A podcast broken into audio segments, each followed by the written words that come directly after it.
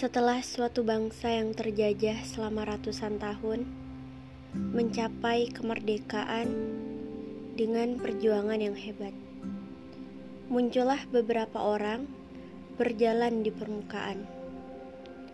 Mereka terdiri hanya beberapa orang, namun bernilai ratusan orang. Orang-orang seperti itulah yang membentuk sejarah hebat dan besar karena berani bertanggung jawab dan tangkas menetapkan suatu jalan yang akan ditempuh. Karena itu, boleh dikatakan bahwa pikiran umum dibentuk oleh beberapa orang saja. Kita teringat kepada nama-nama besar bangsa ini, seperti Soekarno dan Hatta yang memenuhi catatan sejarah kemerdekaan sejak awal sampai akhir hayatnya. Syair yang menciptakan perjanjian Linggarjati, Muso yang memberontak di Mediun, Himengku Buwono, Roem, dan lain-lainnya yang ikut berjuang. Jika orang seperti itu sebelumnya namanya muncul, dapat berdiri di tengah-tengah orang banyak, apakah kelebihan dirinya daripada orang lain? Sementara dia juga merasakan lapar dan haus, serta sedih dan gembira. Bahkan pada masa-masa ketenarannya, mereka masih tetap manusia.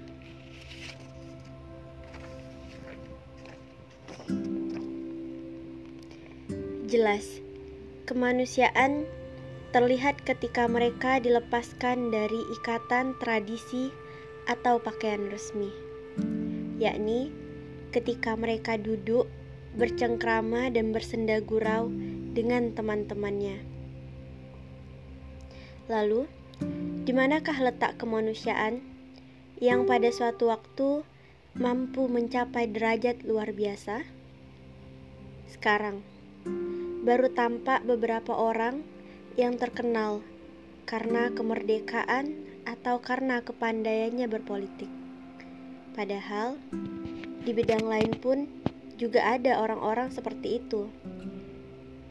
Ingatlah, Dastat dalam perlombaan ekonomi, Khairil Anwar dalam bersyair, Dr. Haji Karim Amirullah dalam ketuguhannya beragama.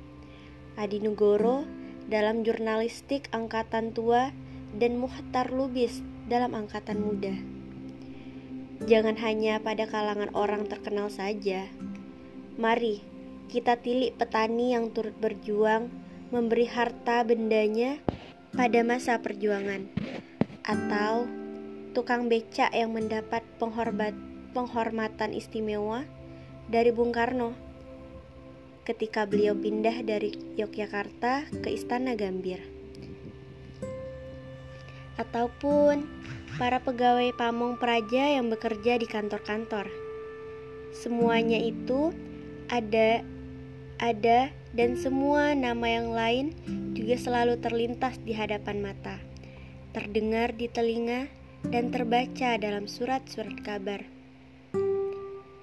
Pertanyaannya, mengapa? Ada nama-nama itu. Padahal masih banyak lagi yang tidak tersebut, yang tidak terkenal. Setiap hari kita tidak akan lepas memperbincangkan orang-orang terkenal ataupun tidak terkenal, orang yang sangat luar biasa atau orang yang biasa saja.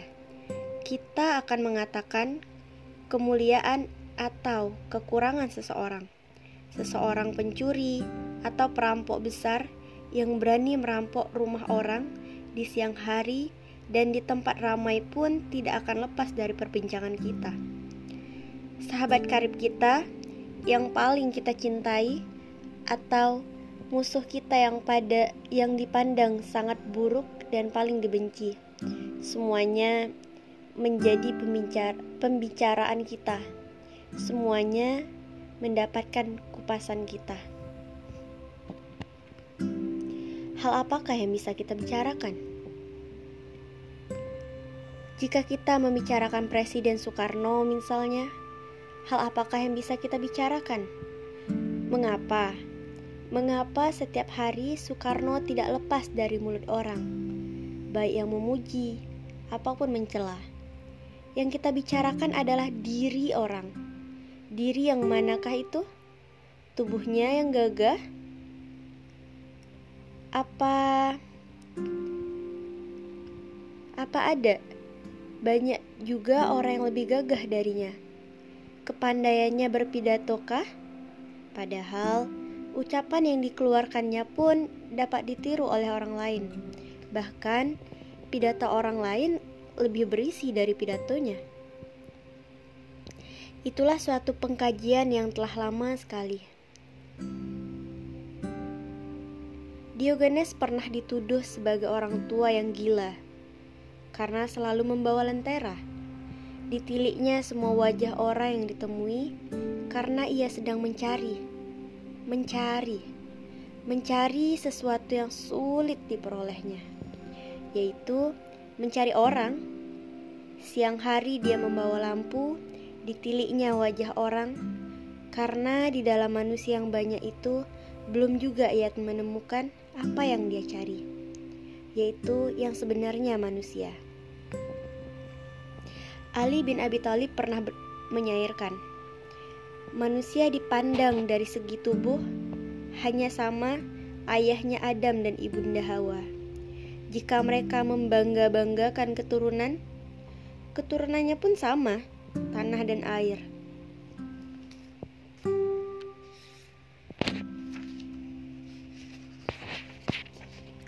Jika demikian, mengapa timbul keistimewaan?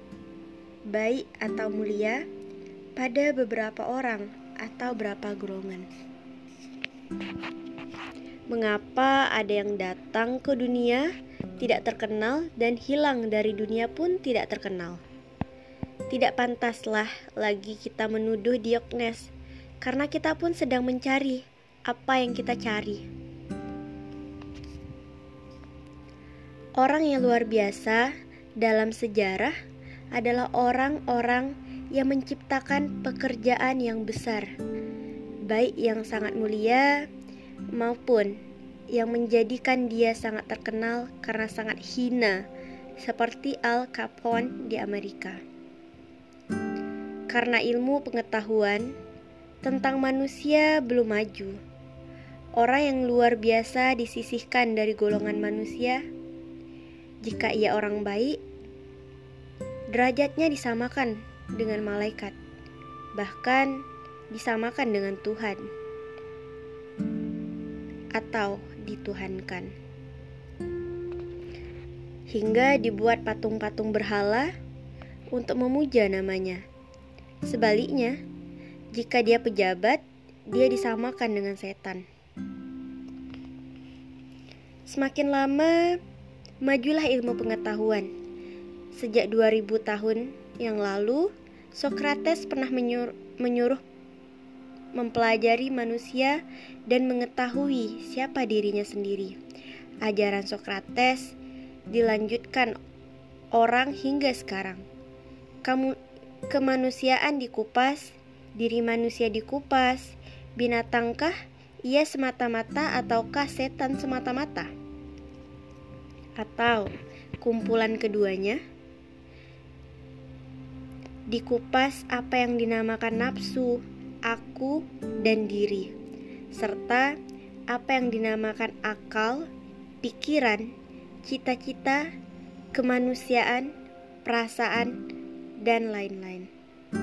Pada akhirnya, orang dapat mempelajari siapa awak, tubuhkah, atau nyawakah, atau kumpulan keduanya.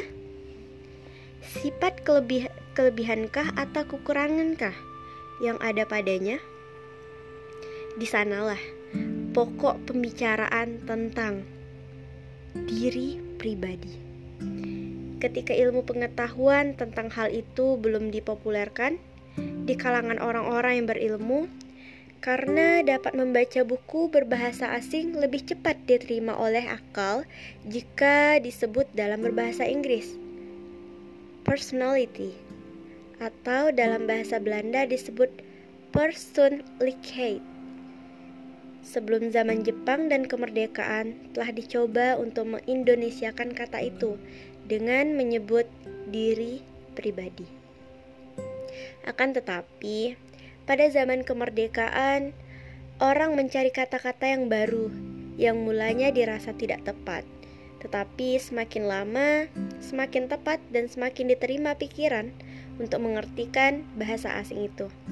Diri pribadi. Kemajuan pribadi suatu bangsa dan kemerdekaannya tidak akan tercapai jika belum ada kemajuan dan kemerdekaan pribadi individu. Tanda-tanda menunjukkan bahwa derajat kemajuan dan kejayaan yang didapat oleh beberapa manusia di bidang yang dimasukinya dapat pula dicapai oleh orang lain asalkan orang itu mempunyai pribadi yang kuat. Kemajuan pribadi sendiri akan menentukan tempat kita yang pantas dalam pergaulan hidup di bidang mana pun.